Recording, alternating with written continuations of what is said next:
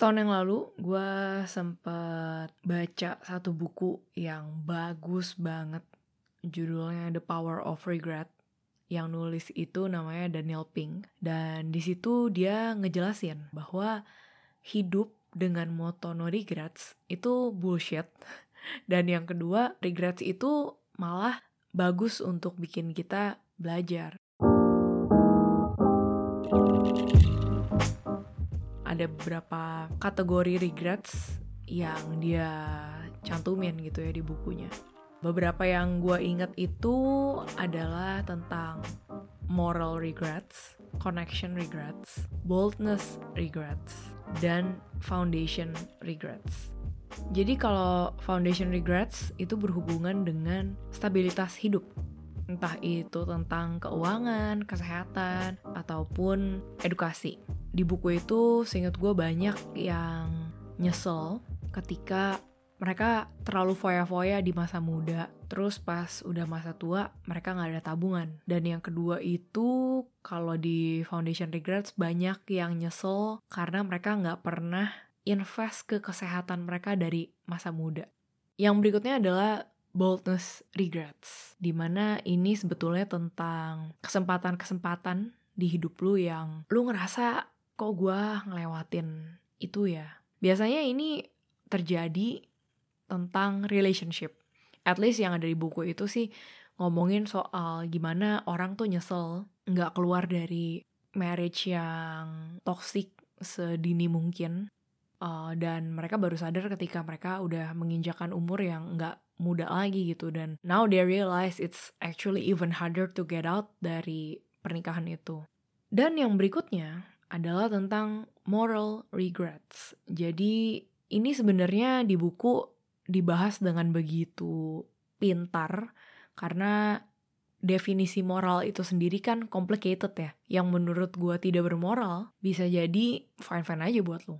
Dan begitu pun sebaliknya. Tapi di database yang masuk ke World Regret Survey itu, um, kira-kira ada 16.000 orang yang ngebahas tentang bullying. Jadi entah mereka pernah ngebully atau mungkin ngeliat orang dibully tapi mereka nggak ngebelain orang itu atau mungkin diem aja. Dan selain bullying ada juga yang tulis penyesalan mengenai perselingkuhan dalam pernikahan mereka. Lalu yang berikutnya adalah tentang connection regrets ini di mana kita ngerasa kayak losing touch with somebody di hidup kita gitu. Mungkin hanya karena kita sibuk atau sama-sama sibuk terus pas the moment kita mau kontak mereka, merekanya udah meninggal atau udah pindah jauh banget entah ke mana gitu ya yang most likely gak mungkin bisa ketemu lagi gitu sama mereka. Jadi kalau misalnya di buku dijelasin bahwa losing touch di dalam connection regrets ini bukan sesuatu yang kayak dramatic banget.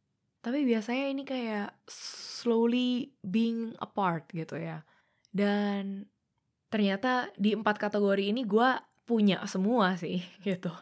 Yang mungkin yang enteng dulu kali ya yaitu foundation regrets.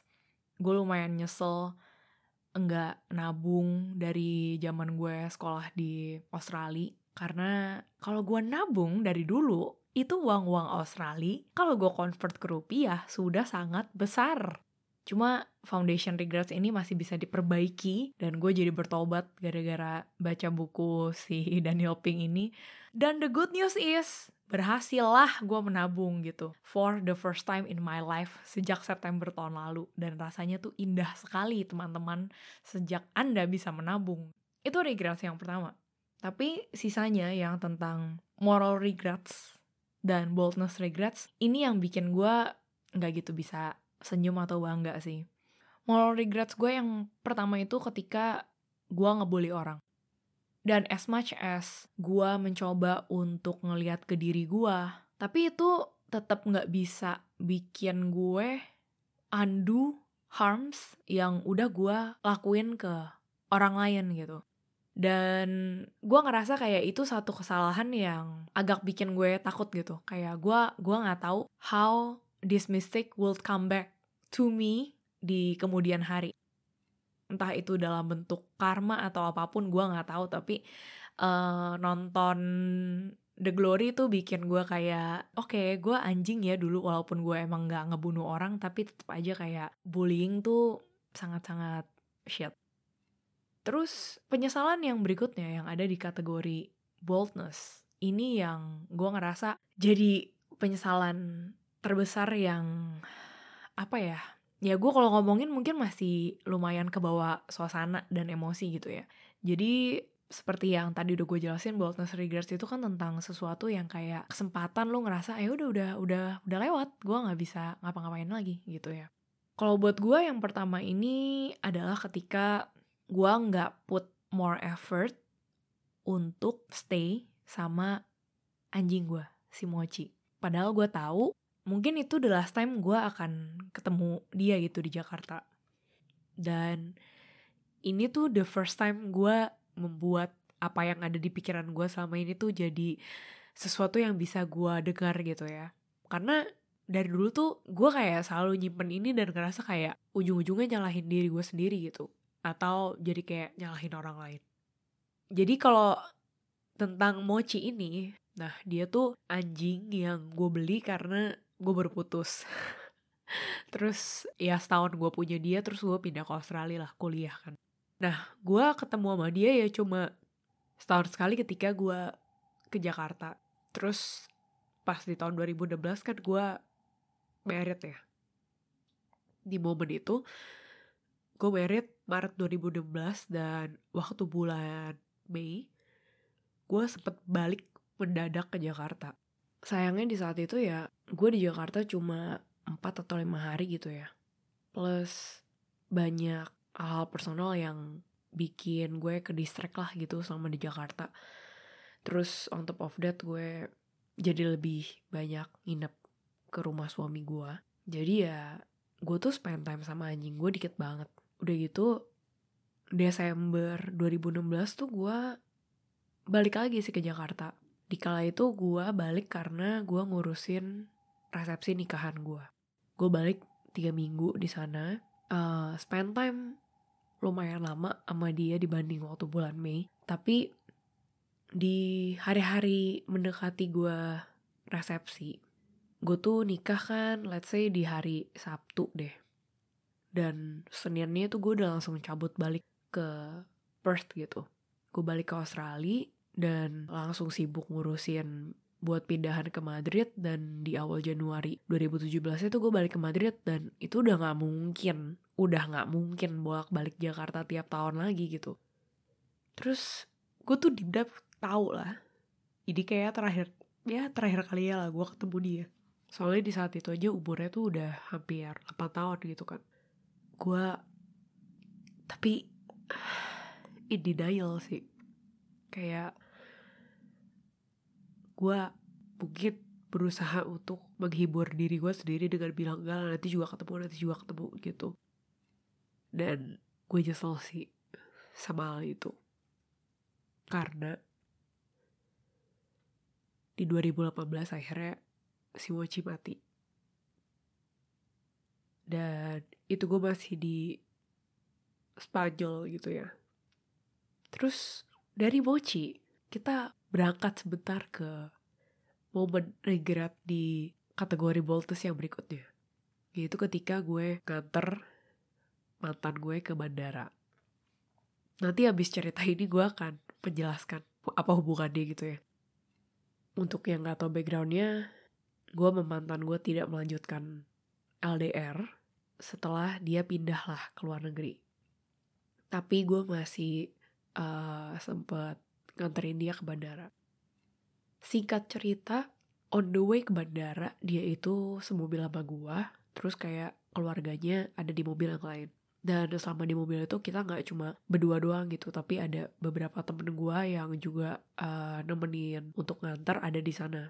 Dan gue inget kayak selama di mobil itu gue tuh berisik banget kayak gue tuh selalu mencoba untuk bikin lucon kali ya gue selalu berusaha untuk bikin suasana tuh ketawa mulu, bercanda. Pokoknya gue inget itu kayak gue segitunya mungkin nggak tahu how to regulate emosi yang sangat sedih dan mix up ini gitu. Kayak gue the first time ngalamin ini di umur 16 gitu ya. Kayak agak drama tapi juga ya gimana gitu dan gue juga nggak tahu kayak gimana sih ngadepin perpisahan di bandara gitu. Apakah kita harus cipokan seperti ADC atau atau gimana? Gue nggak tahu gitu.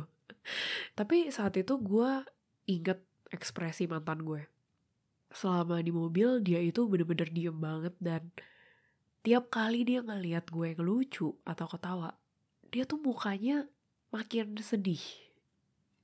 Gue nggak pernah diliatin sama orang sampai segitunya sampai kayak as if dia tuh kayak mau ngomong udah cing just stop doing it dan admit aja kayak ya kita tuh lagi sedih gitu sebenarnya. Tapi ya waktu lagi akhirnya nyampe di bandara gue masih denial ya kayak masih mikir oh nanti bakal ketemu lagi juga lah gue cuma nganterin depan terus nanti juga abis kelar dia ngantri ini tuh segala macem dia bakal keluar gitu. Jadi gue nggak ngomong goodbye atau apa pun yang harus gue omongin gitu. Turn out ternyata dia bukan cuma uh, masukin koper tapi bahkan udah langsung masuk ke imigrasi gitu. Jadi dia nggak keluar keluar lagi. Gue inget banget di situ kayak ah gue mau mati anjing gitu.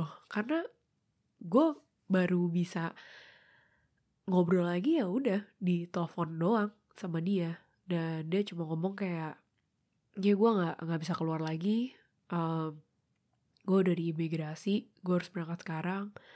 Dan gue exactly lupa sih ngomong apa. Kayaknya kebanyakan nangis terus gue cuma ngomong kayak gila kita udahan nih kita udahan nih. Kayak gue cuma berkali-kali ngomong gitu doang. Saking gak beraninya ngomong putus dan bye gitu. Momen itu membekas ya di kepala gue uh, membekas dalam artian itu terjadi lagi di gue sama Mochi gitu.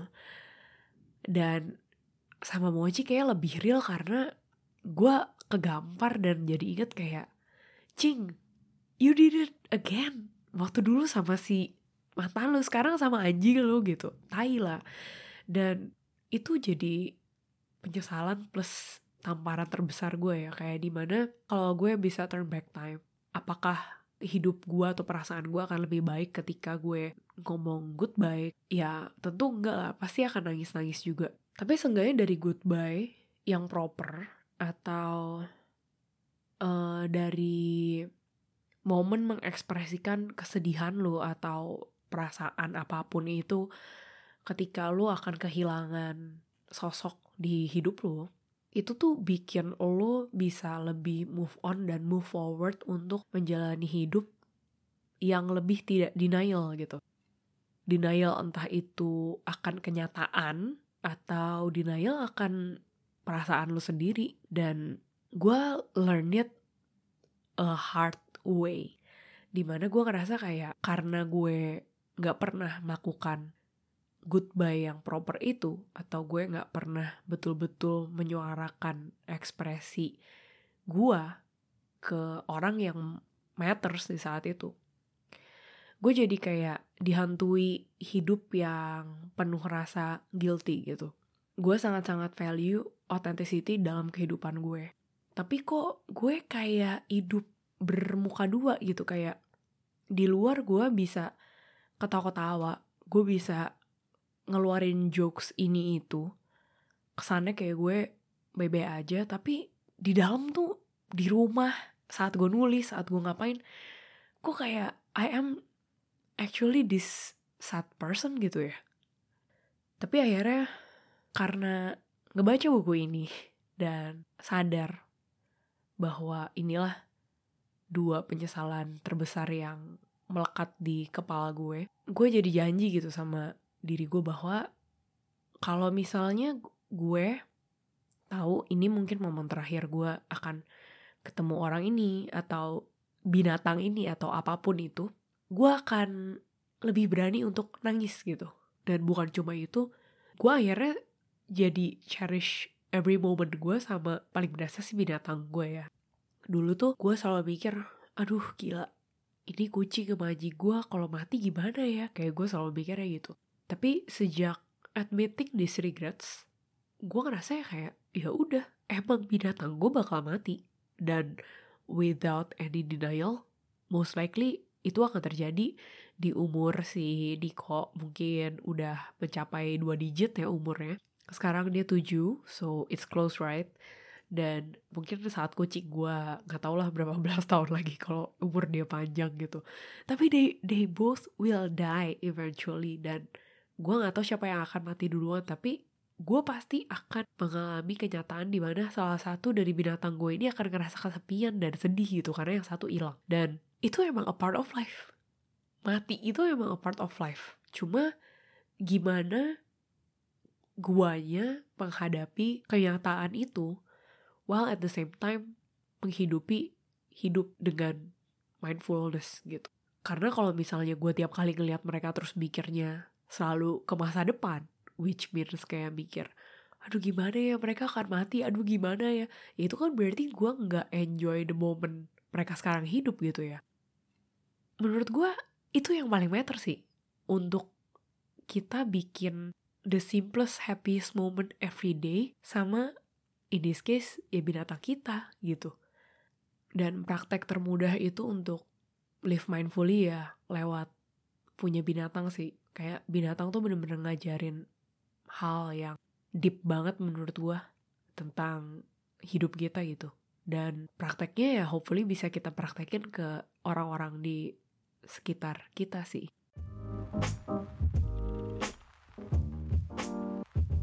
Semoga dari episode ini kalian bisa mendapatkan suatu insight tentang penyesalan, tentang making mistakes di hidup, ngerefleksi dari empat kategori penyesalan ini.